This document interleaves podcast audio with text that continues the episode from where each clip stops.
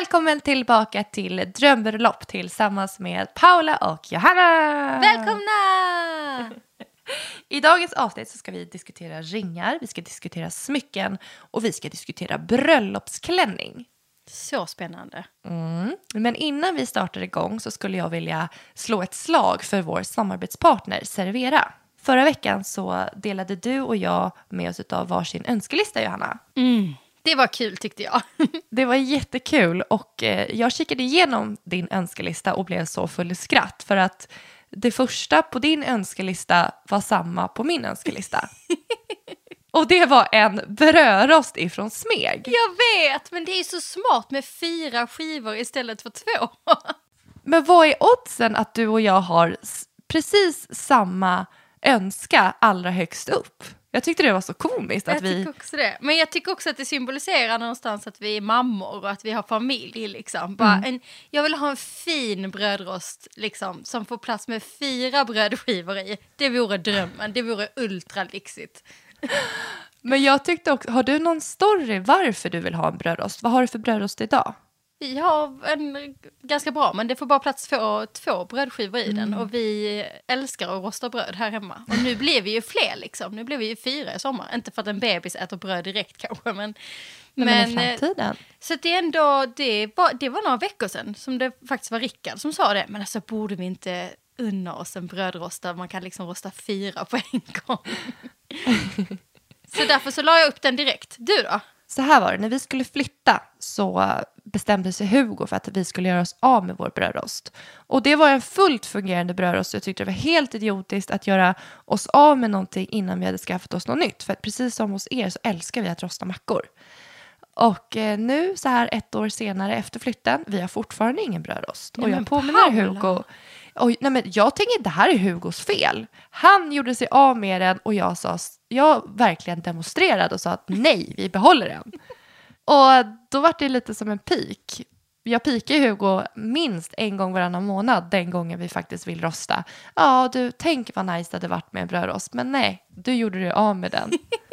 Då pikar jag Hugo precis hela tiden om att han ska skaffa en ny, men eh, det här kommer aldrig hända. Så då kom jag på att en brödrost med fyra skivor är den ultimata bröllopspresenten. Så att alla ni som ska komma på mitt bröllop, då vet ni vad, vad jag önskar mig. Exakt, och då är det ju så bra att du slipper få 15 brödrostar. Utan eftersom de första som går in på din önskelista och väljer att köpa den här och bockar i det, då kommer den tas bort så att inte alla andra också går och köper en brödrost. Det är ju det som är den smarta funktionen med Serveras önskelista. Verkligen. Men innan vi fortsätter så skulle jag bara vilja fråga dig. Vad är den värsta presenten du har fått någonsin genom hela ditt liv? Oj, värsta. Någon du har något speciellt minne av att du blev väldigt besviken eller att det var fel eller när man liksom ska hålla masken för att Alltså, man jag- vill jag- såklart visa sig tacksam. Alltså jag fick i studentpresent så fick jag en, eh, en skitful glasskål som säkert var jättedyr. Alltså jag kan tänka mig att det kanske var Kosta Boda eller något sånt där. För att, men det var liksom en, en tjock, jätteliten, alltså orimligt liten, jag vet inte ens vad man ska ha i den där lilla konstiga skålen. En blå glasskål i tjockt, tjockt glas och sen var det en jätteful, obehaglig clown som stack upp i glas från liksom kanten. Alltså, nej, nej, nej, nej. Vad är man när man tar studenten? 19. 19-åringen hoppade inte jämfota. Men jag, jag fejklog nog som du säger. Men eh, alltså fy. Och jag kommer inte ihåg vem jag fick den av. Så jag hoppas att den människan inte lyssnar på, på den här podden. Helt har- fel present till en, en, någon som tar studenten liksom. Och framförallt till någon som tycker clowner är lite läskigt. Och jag har också en liknande historia. Det handlade också egentligen om timing och min ålder. Det var när jag flyttade hemifrån. Då kom min mormor med ett så himla stort paket. Och när man var 18 då fick man oftast väldigt små paket och väldigt mjuka. Men nu var det en stor present som var till mig. Och jag var så förväntansfull och tänkte att det var kanske en staty eller något. Jag vet inte vad jag hade föreställt mig. En staty av dig själv. Någonting. Men vet du vad det var? Nej. Det var en dammsugare. Nej.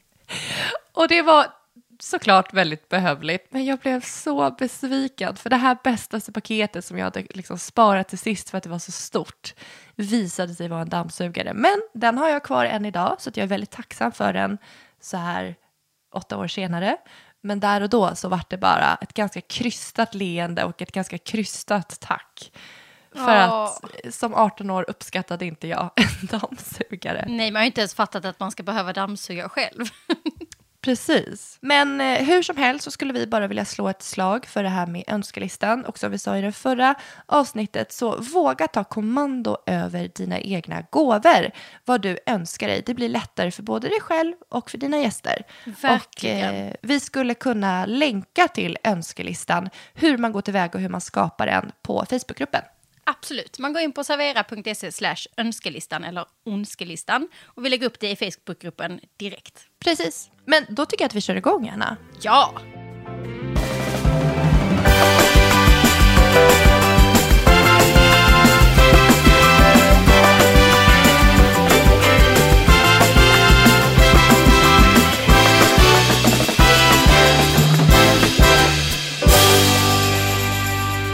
Jag vill börja det här avsnittet med att fråga hur du mår. Hur är läget?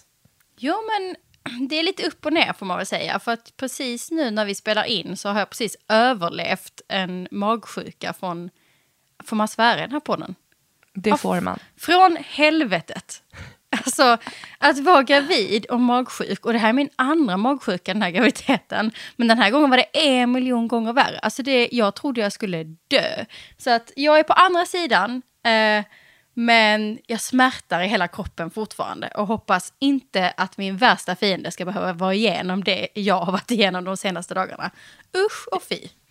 Jag tycker verkligen så synd om dig som du säger att det här är andra gången. Bara att vara magsjuk, man känner ju sig så ynklig och att du har varit det två gånger under en och samma graviditet. Det, är, det låter fruktansvärt. Alltså, min kropp gillar inte att vara gravid.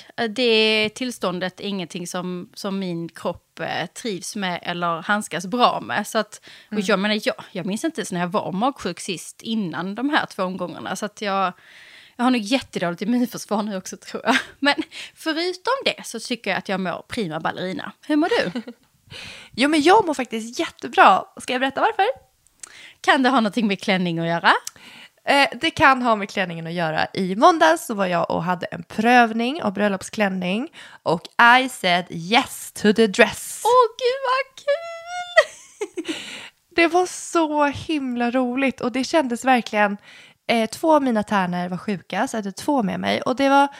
Ja, det kändes så intimt och kärleksfullt och förväntansfullt och det vart sån glädje i att man faktiskt kunde ta på någonting som kommer ha med bröllopet att göra.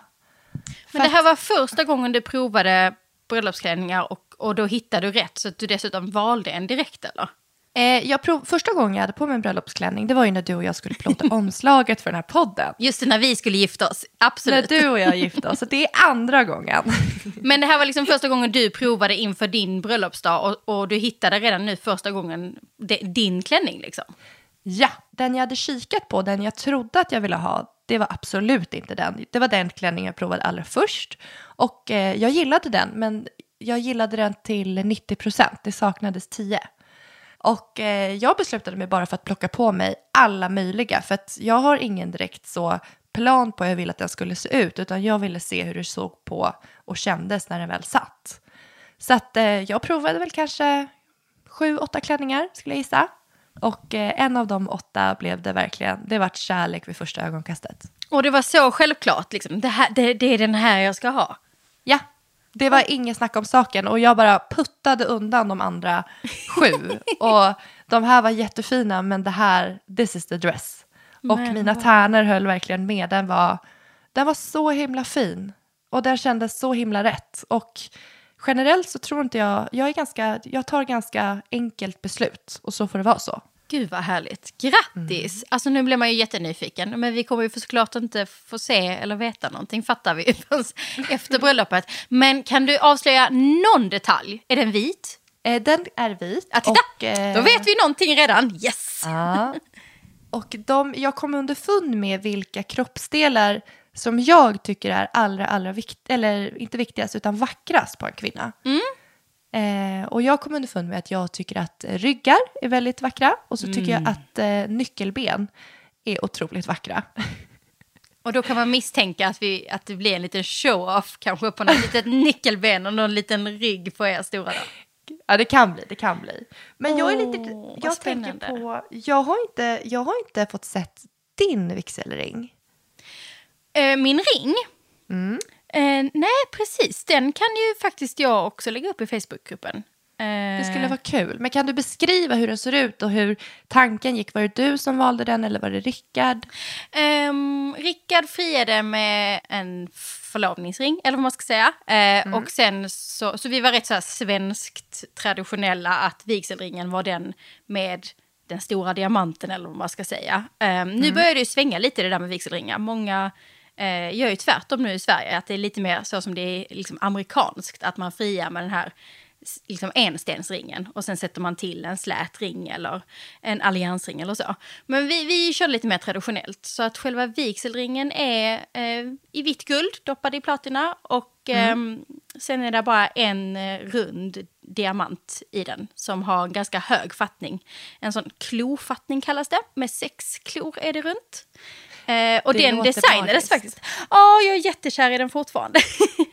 den, eh, den designades på samma ställen som våra förlovningsringar designades. Så att ehm, vi var med, vi fick gå in och så plockade han fram, det var en väldigt kul process, plockade han fram olika diamanter då och visade dem ja, men, olika storlekar, om de var runda eller fyrkantiga eller hur de såg ut. Och sen finns det ju otroligt olika kvalitet i diamanter som man inte ser med blotta ögat. Men en diamant kan ju vara hälften så billig för att den har lite gulnad i sig, den har någonting som kallas svarta fläckar i sig som man liksom inte ser när man tittar på den, men de finns där. Så det finns massa olika mätverktyg på hur man mäter eh, kvaliteten på diamant. Så det var också sånt som var så här, vad, det är tillbaka till prioriteringslistan, vad är viktigast för oss, hur ska vi tänka liksom. Ehm, så först så fick man då välja den där lilla diamanten och sen så tog han fram andra ringar och så fick man då, jaha, vad ska den här diamanten sitta i för en liten fattning då? Och hur hög ska den vara? Och sådär, så höll vi på så och sen till slut så hade han skissat upp hela ringen och gjorde den till oss. Så det var jättekul. Åh, det låter, när du beskriver, det låter så levande. Och jag känner lite att jag saknar det. För att för mig är mitt bröllop, det ligger framför mig. Det kommer att hända. Men jag har inte fått ta på så mycket mer än gästlista och nu en klänning.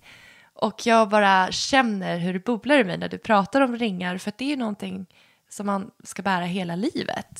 Man ska Ja. säga yes to the ring också. Det måste verkligen Verkligen. kännas bra. Och nu är du pirrig inför, som du säger, att det är lite pirrigt och det ska bli spännande, men du har ingen, Paula, åh, du har ingen aning om vilken magisk dag, vilken magisk helg ni har framför er.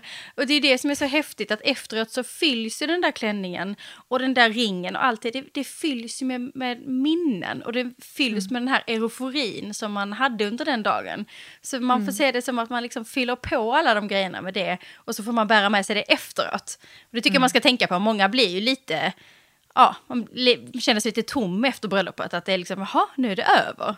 Men då får man tänka på det sättet, att man ska liksom bära med sig alla de här minnena för resten av livet. Det är fantastiskt roligt.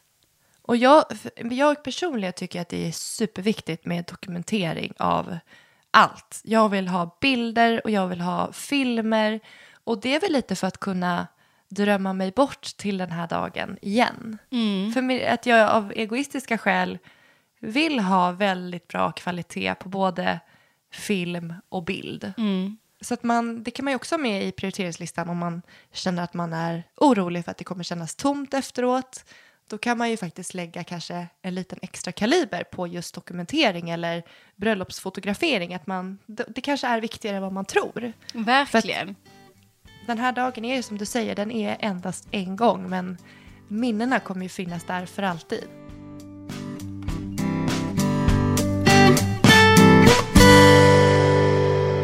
Jag är också en sån här liten sucker på rolig info. Så att i dagens avsnitt så pratar vi om ringar, smycken och klänning. Och då undrar jag ju såklart om du har stött på någonting ovanligt när det gäller ringar, smycken och klänning. Någonting som frångår normen. För att det är det som är så fantastiskt med ens bröllop. Man får ju välja precis själv. Man är vuxen människa och får bestämma precis hur det ska gå till, hur man ska se ut och vart man ska gifta sig. Men har du någon rolig story om typ, ja men antingen en ovanlig ring eller en ovanlig klänning? Ja, men i Sverige har vi haft mycket vitt guld och rött guld och sen har det varit mycket enstensringar som vigselringar nu den senaste, liksom vita diamanter så att säga. Men jag har haft några brudpar som faktiskt har vågat lite mer. Någon som har haft en rosa sten till exempel, någon som har haft en stor maffig blå sten istället. Eh, liksom annorlunda ringar som inte ser ut som alla andra. Och det tycker jag alltid är så coolt för att jag, jag tänker att då måste man veta man måste känna sig själv väldigt väl för att veta att men jag vill ha en rosa ring resten av mitt liv. Det är så himla lång mm. tid liksom. Jag, där blir jag lite mesig själv. Jag är så här, ja men det är nog bäst att gå på klassiker liksom. Om jag ska ha den här tills jag dör. Eh, så mm. de, de, brukar jag reagera på och tycka är väldigt coola liksom.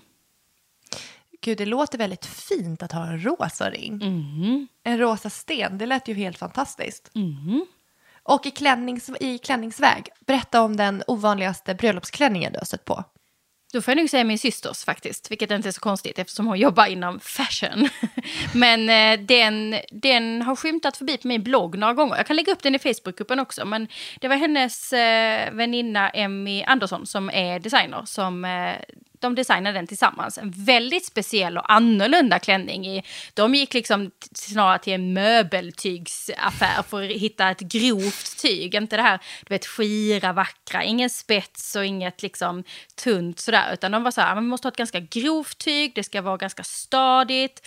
Och sen längst ner så hade de jättemånga lager av volanger som de gjorde med typ 15 olika sorters tyger. Och det var fjädrar och det var tyll och det var grått och det var ja, men massa, massa olika. Det låter helt galet men jag ska lägga upp den så du får se den.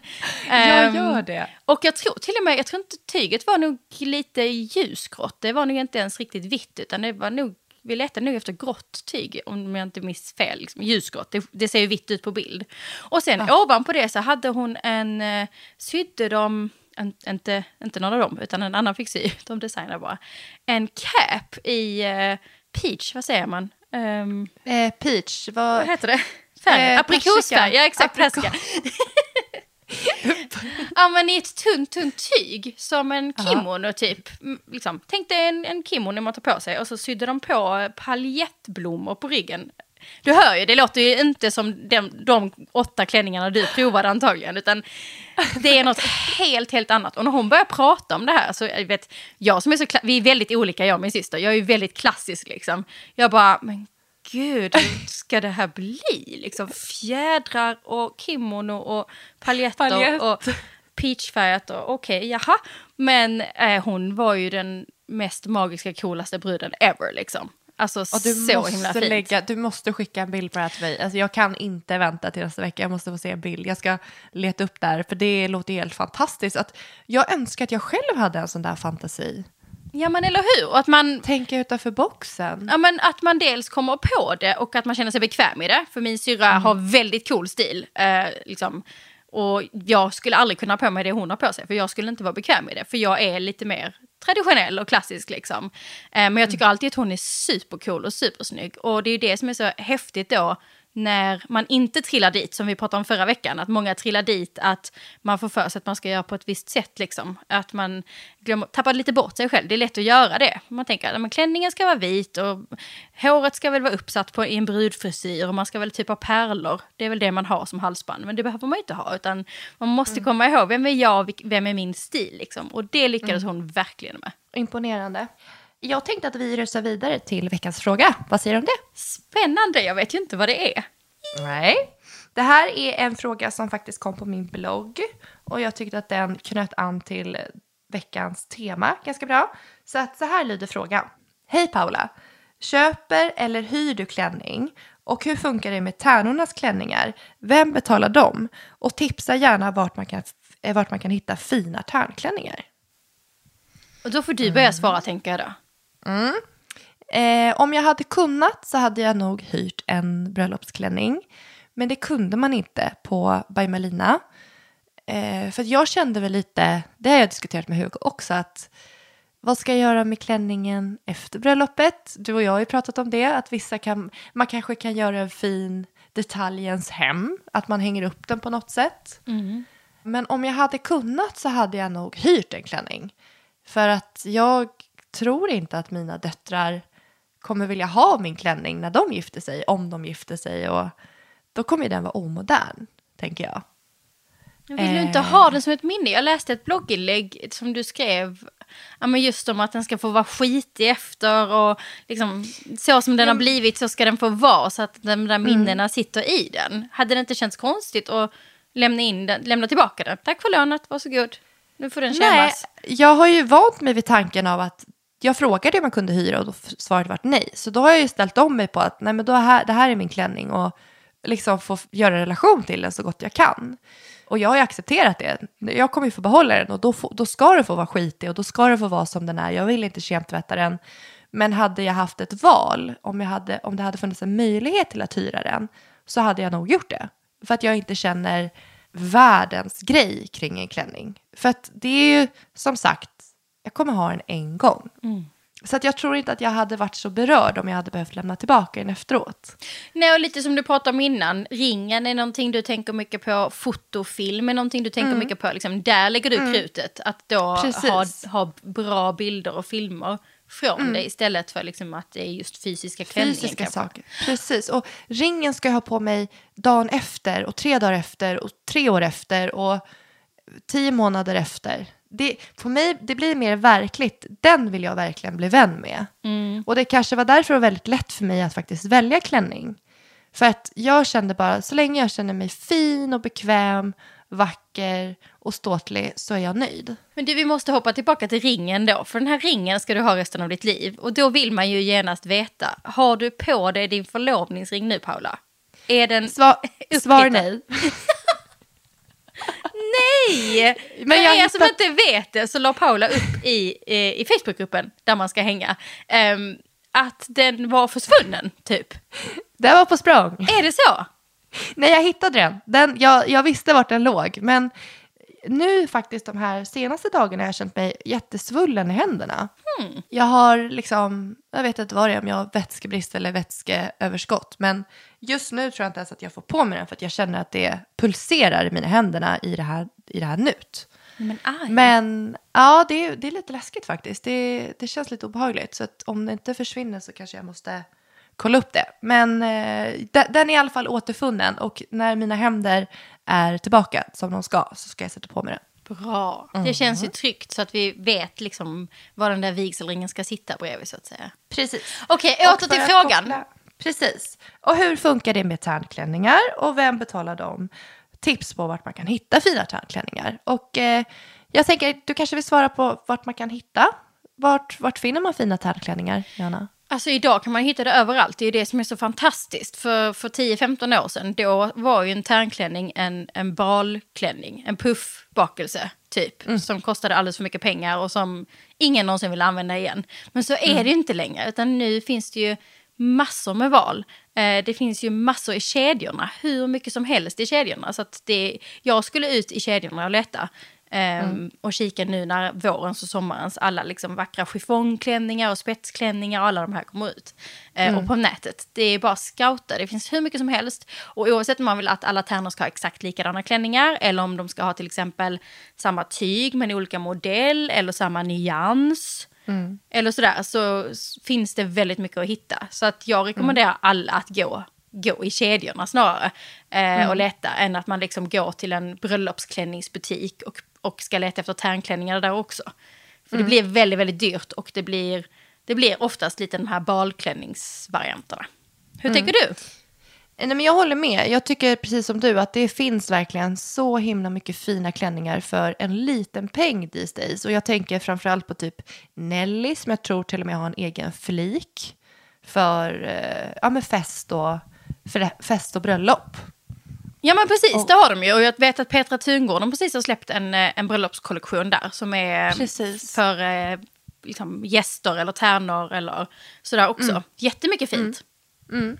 Och när, vi, när jag provade min klänning så tyckte jag det var såklart jättekul. Då fick de prova att gå loss hos By Malin och de är helt fantastiska klänningar. Och vi hade väl en tanke på att vi kanske skulle ha köpt tärklänningar därifrån. Men så hittade vi inte någonting som... För mig var det väldigt viktigt att mina tärnor känner sig bekväma i den klänningen de ska ha. Och därefter kan vi bestämma tillsammans färg, eller modell. Jag hade liksom inga preferenser utan jag var så här, go nuts, prova alla, säg vad du tycker om. Så kanske vi kan enas i något tillsammans. Och då vill man ju gå vidare på den här sista frågan i den där frågan. Hur tänker ni? Tänker du att du ska betala tandklänningarna eller tänker du att de ska betala själva? Eh, på Spymalina hade jag absolut tänkt, då hade jag tänkt att jag skulle betala det. Men är det så att man kanske går till Nelly där klänningarna inte kostar lika mycket, då kan jag tänka mig att jag nog frågar om de kan köpa dem själva. Det beror på lite på summan tänker jag. För att det var absolut inte hugget i sten, men by Malina det, det, det är lite dyrare. Och Mm. det, jag känner inte att jag har den rätten till att kräva mina tärnor att de ska köpa dem i så fall. Är superviktigt för mig och är det, hade det varit hugget i sten att det måste vara by Malina, ja, men då tycker jag att då är det jag som får pröjsa det också. Mm. Men eh, vi testade och det var jättekul. De var fantastiskt vackra. Och det fanns en gul klänning som jag varit helt betuttad i. Och tänker nästan, jag började tänka på om jag har någon tillställning i vår eller någonting liknande. Om jag kan ha den. Men jag kom inte på någonting. Men, eh, ja, men lite bero, jag, tyck, jag tycker att vem som betalar, det tycker jag beror på vad det kostar. Jag tänker lite så här att det beror på om man har krav eller inte som brudpar. Um, om man som brudpar eller brud bestämmer vad ens tärnor ska på en. Då brukar jag ha som riktlinje att då får man också betala för den oavsett om den är jättebillig eller jättedyr. Men om man, om man som, som brud har sagt så här, ah, men jag har fem tärnor, alla ska ha exakt likadana klänningar och de ska vara i den här nyansen, eh, det ska vara de här klänningarna. Då tycker jag att det är ganska oschysst att de måste betala för den, för det kanske inte är alls någonting de hade valt att köpa annars. De kanske aldrig Nej. mer kommer använda det. Eh, om det är fem tärnor så kanske det faktiskt är någon av dem som till och med det kanske inte är helt hundra för att oftast så har man olika kroppsform och längd och liksom när man är tärna och man ska ha likadana klänningar så måste ju alla anpassa sig lite på något. Det kanske inte var den perfekta längden eller ärmen eller sådär bara. Men jag gillar egentligen mer att ha det på, här, på det här sättet. Men det här, jag känner mig tillräckligt fin, det här blir bra liksom. För det fina med att vara en tärna det är att man ingår i en grupp. Det blir ju så vackert för att man ingår i den här gruppen och tärnor och marskalkar är ju ramarna runt brudparet. Så därför så brukar jag försöka påminna tärnor lite om att, att just du tycker att exakt allt i den här klänningen och looken är exakt det finaste du någonsin har sett. Eh, man, man kanske inte kan ha riktigt det kravet som tärna utan man får se helhetsbilden snarare. Liksom. Men däremot om man som brud säger att eh, vet ni, vi ska ha marinblått som tema, det vore jätte eh, härligt om, om du kunde ha någonting i marinblått, men du får välja själv. Eh, om man då kan ha en långklänning eller kortklänning eller en kostym eller hur man nu vill göra. Då tycker jag att då kan man tänka att tärnorna betalar själva, för då har de ju mycket mer frihet och, och liksom göra det på sitt sätt så att säga. Så det brukar, jag tycker generellt att om man, om man bestämmer åt dem att så här, du ska ha på dig det här i den här färgen på det här sättet. Då brukar det kännas lite schysst att man faktiskt köper dem åt dem. Liksom. Men jag gillar, jag är all for budget. Jag köpte mina tärnklänningar till mina tärnor på MQ när eh, vi gifte oss. Kostade Ja, typ jag tycker- 600 jag spänn. håller- Jag håller med. Det finns väldigt, väldigt mycket fint i budget och min favorit skulle då, om din, jag tycker om Nelly. Jag tycker de har jättebra festklänningar. Mm, verkligen. Och perfekta för tärnor. Vet du, det känns som att jag gifte mig för hundra år sedan. För jag tror knappt jag visste vad Nelly var för någonting när jag gifte mig. Snacka om så generations, generationsskifte. Ja, det är det jag menar. Det finns så mycket som hade varit så häftigt att få uppleva idag. ja.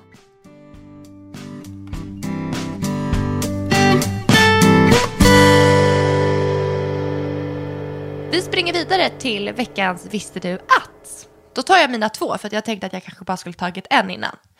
Johanna, vet du varför den traditionella brudklänningen är vit? Eh, Jag tänker spontant att vitt står för, för den här oskulden som man är. Korrekt. Mm.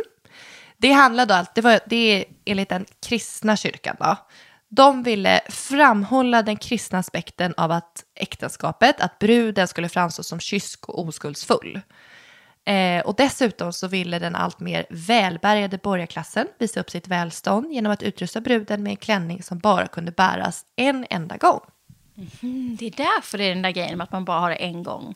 Ja, precis. Men långt, långt, långt innan det så vet jag att brudklänningarna faktiskt var svarta. Och nu har jag inte koll på hur länge sedan det här är. Det är ju jätte, jätte, jättelänge sedan. Men eh, innan den här traditionella vita som, som vi har idag, som vi har haft väldigt länge, då var brudklänningar svarta vet jag. Vilket är lite konstigt. Men jag vet inte varför de var det.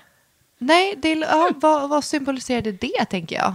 För- Ja, men det, det kanske var tvärtom då. Alltså innan det här med att man eh, hade råd att köpa en klänning som bara skulle bäras en gång. Då kanske det var smidigt att ens brudklänning var svart så man kunde använda den igen. Jag vet inte.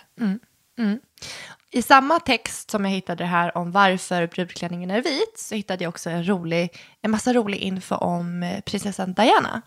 Ja, vi knyter an. Gud vad kul. Ja, och eh, Dianas bröllopsklänning, jag har googlat den, var väldigt speciell. Och de gifte sig på 80-talet och hennes klänning skapade en som en romantisk trend i, ja, men i nutid. Då. Hon var liksom eran för den romantiska nischen inom bröllopsklänningar. Och eh, hon är sannoliken, hon såg sannoliken romantisk ut. Men i augusti nu i år så är det 21 år sedan som Diana gick bort i en tragisk olycka. Men eh, det finns en massa smaskig info kring hennes bröllop som fortfarande finns kvar. Skulle vilja höra några stycken? Gärna. Då ska jag läsa av här, för det här är en lista som jag har hittat. Då börjar vi med den blå rosetten. Elisabeth Emanuel, en av klänningdesignerna, sydde en liten blå rosett i midjebandet som inte kunde ses utifrån för att få in någonting blått i outfiten. Det tyckte jag lät ganska smidigt. Ja, det är jättesmidigt. Det brukar finnas, mm, det är ganska kul att få något blått, eh, någon blå tygbit eller någonting av ens föräldrar, av sin mamma till exempel. Som man kan sy in på insidan. Eh, eller så brukar man, om man syr upp klänningen, kan man till exempel eh, sy in eh, initialerna i blått Ja. på insidan eller något sånt där.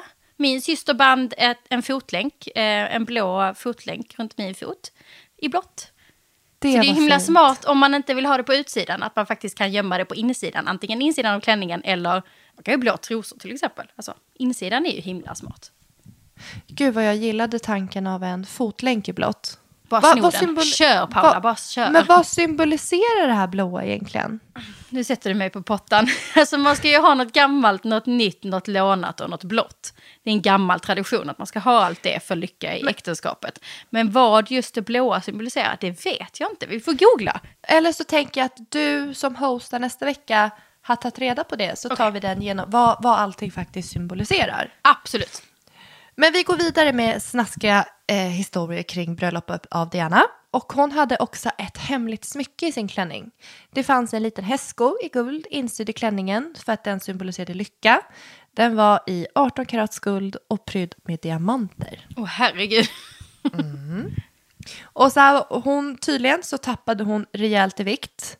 Och det ställde till för kläddesignerna och alla sömmerskor för att hennes dramatiska viktnedgång gjorde att klänningen var tvungen att sys om hela 15 gånger. Oj. Det är ganska många fittings Och den där klänningen var liksom gigantisk. Alltså det var ju så mycket tyg Ja. och puff och det var, den var ju så himla... Hjälp vad jobbigt att se om den tänker jag. Ja, och givetvis så kommer jag lägga upp en bild på Dianas klänning i gruppen så att alla kan få en bild på hur den här klänningen faktiskt såg ut. Men en annan grej, eh, det var en klänning som försvann. För att i säkerhets skull så gjordes det två versioner av den här berömda bröllopsklänningen. Den andra behövdes aldrig, den användes aldrig och fanns kvar i Design Partner Studio. Men sen försvann den helt spårlöst och än idag så vet man inte vart den har tagit vägen. Är det sant? Åh gud, jag Mm. älskar den storyn. Tänk att någon sitter på den klänningen, vad sjukt. Jag förstår du hur mycket pengar man sitter på om man har den? Man sitter på väldigt mycket pengar och sen tänker jag återigen, man sitter på väldigt mycket tyg. Var har man den där klänningen ens? jag vet. Men det var, det var en till sak som fanns och det gjordes två parasoller. För att man tänkte att det kanske kunde regna och då gjorde man två matchande parasoller, en i vitt och en i benvitt. För att man skulle skydda då emot regnet. Men de behövde aldrig att användas. Men de här parasollerna kan ses av allmänheten på Madame Tussauds i London.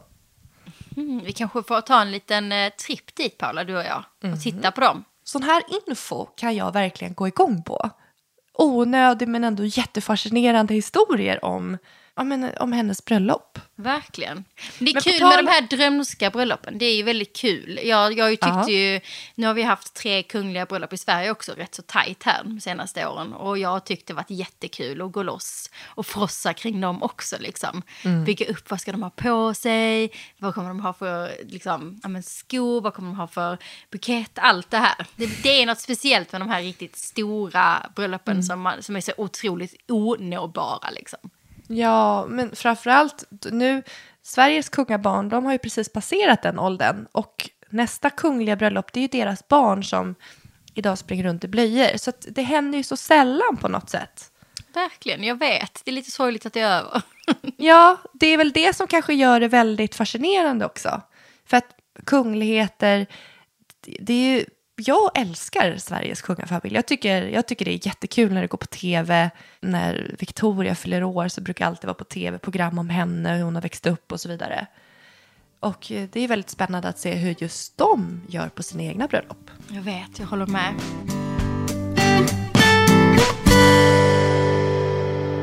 Du, vi springer vidare till fem snabba frågor. Är du redo? Ja, jag tror det. Nej men gud, min första fråga. Hade du på dig någonting blått på ditt bröllop? Lägg av! det vet du redan. Jag hade en blå fotlänk. Som min, Ja, du sa ju redan det. min syster sydde dit den för den var i tyg. Eh, så det finns faktiskt en bild när hon sitter och syr fast den runt min, min fot, fotled. Väldigt mysigt. Men- Sen hade jag den hela bröllopsresan och hade den tills den trillade av till slut. Åh, vad f- har du sparat den? Mm. Vad fint. Paula, jag sparar allt. Vi är motsatserna därifrån varandra. Om du fick välja en sak som du skulle äta för resten av ditt liv, vad skulle det vara? Mackor. Mm, röstad, eller hur? Ostmackor typ. Det hade jag Med- klarat på mig resten av livet. Med ett stort glas O'boy. Åh, gud vad gott. Så himla gott. Alltså, vi dricker aldrig O'boy längre. Jag måste göra Nej, jag det. vet. Gud vad gott. Inte vi heller. Mums. Men det är livsfarligt, man kan inte ha det hemma för då, då bara kör man. Gud, nej men jag måste nog åka och köpa det här idag kände jag nu. Gud vad gott. Nu fick du craving. Ja, nu fick jag craving. Hemmakväll eller utekväll?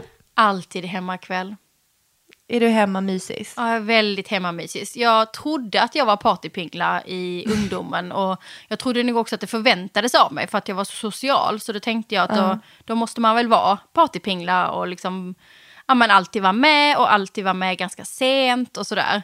Och det, det var så skönt den dagen det landade i mig att så här, men gud, jag är verkligen ingen partypingla. Alltså, eh, jag uppskattar jättemycket att gå på fest, jag uppskattar jättemycket att umgås med folk, men jag går ganska ofta hem nästan först och mår toppen av det. Liksom. Det är skönt när man är vuxen och kommer på sånt, att det är okej liksom.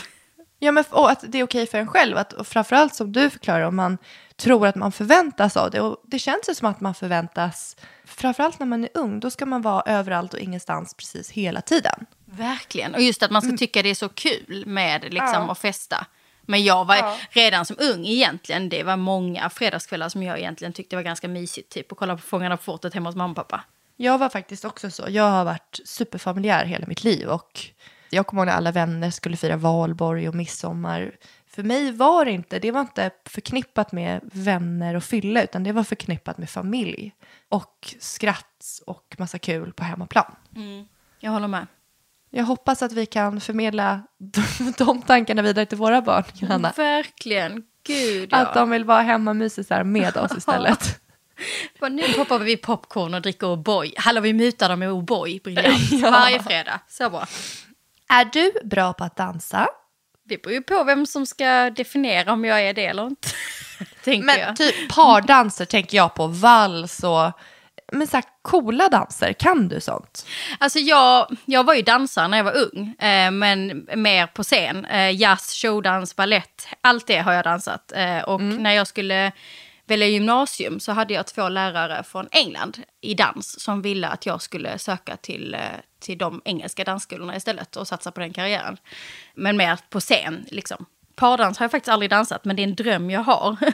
men, eh, men någonstans så var jag ju så otroligt vettig så jag inser att en danskarriär, man kommer ju bli pensionär när man är 35 av skador. Det verkar himla Mm. sorgligt. Så att det blev inte så. Men, eh, men sen i vuxen ålder så har jag ju, alltså att titta på Let's Dance och drömma om att man skulle få, få lov att träna pardans fem dagar i veckan och verkligen lära sig det från grunden. Det vore så häftigt. Men jag vet inte. Eh, Jag har all respekt för de som är Let's Dance. Jag tror det är skitsvårt och inte alls Ja. samma sak som den typen av dans som jag har gjort. Eh, utan jag Nej. tror även om jag var väldigt duktig på det när jag var ung så tror jag att eh, pardans är någonting helt annat. Så jag vet inte riktigt. Men jag överlever ju en vals, absolut. Det gör jag.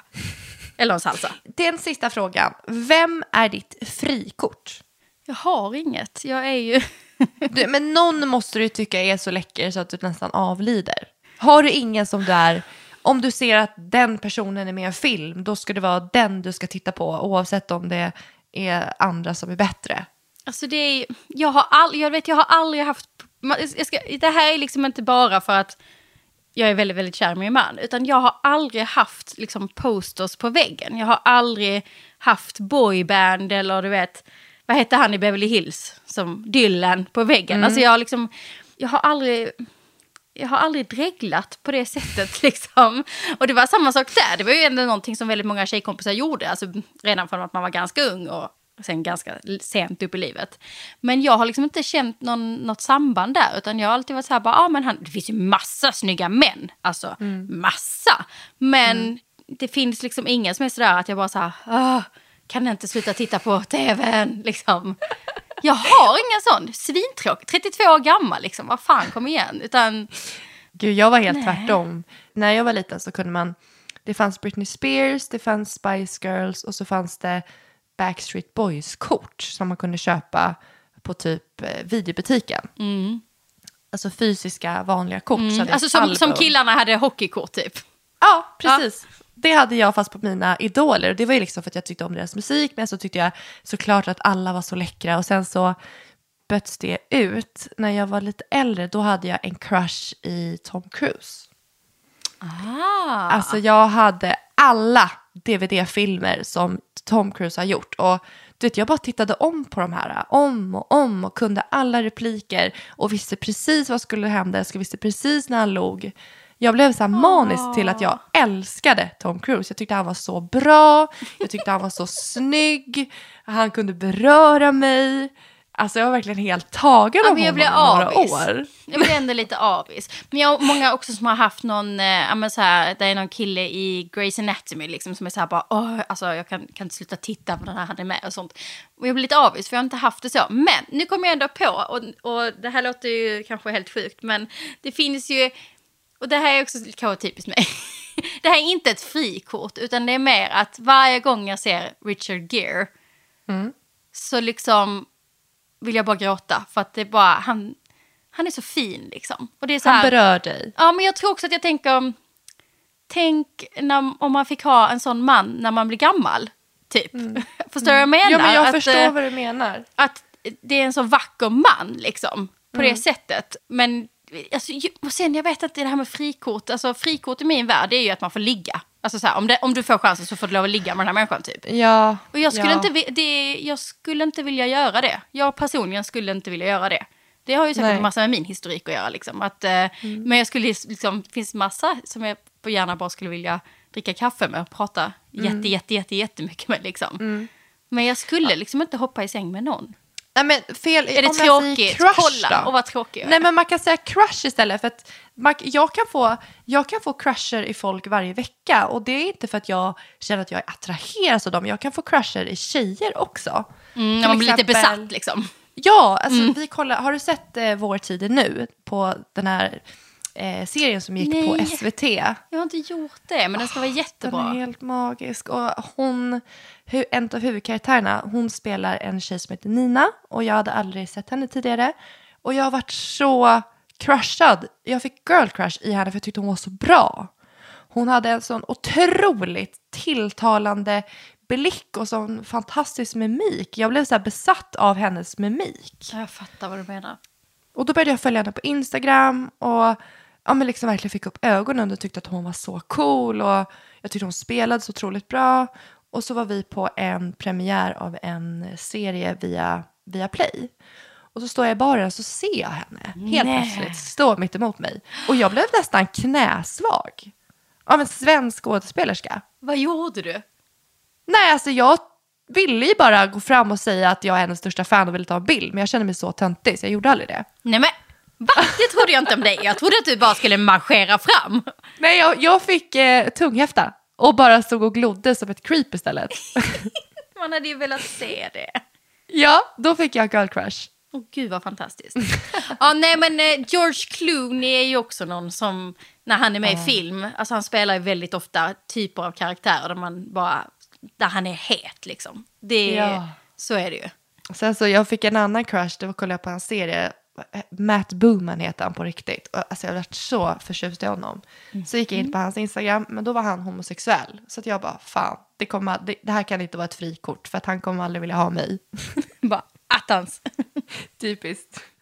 Nej men jag får faktiskt väldigt lätt crushes i folk. Det är Och fint. det behöver inte vara på utseende utan det kan vara på utseenden eller så här, någonting. Utstrålning, Ja, energier. utstrål- Jag fattar helt vad du menar. Man, bara så här, man, blir, man, blir, man blir nästan lite besatt av Mm. en människa liksom helt plötsligt. Mm. Fast oftast så är det på tjejer faktiskt. Att man är så här, hon Ja. är, som du säger, hon är så cool. Hon är så snygg, hon är så cool, jag älskar hennes stil.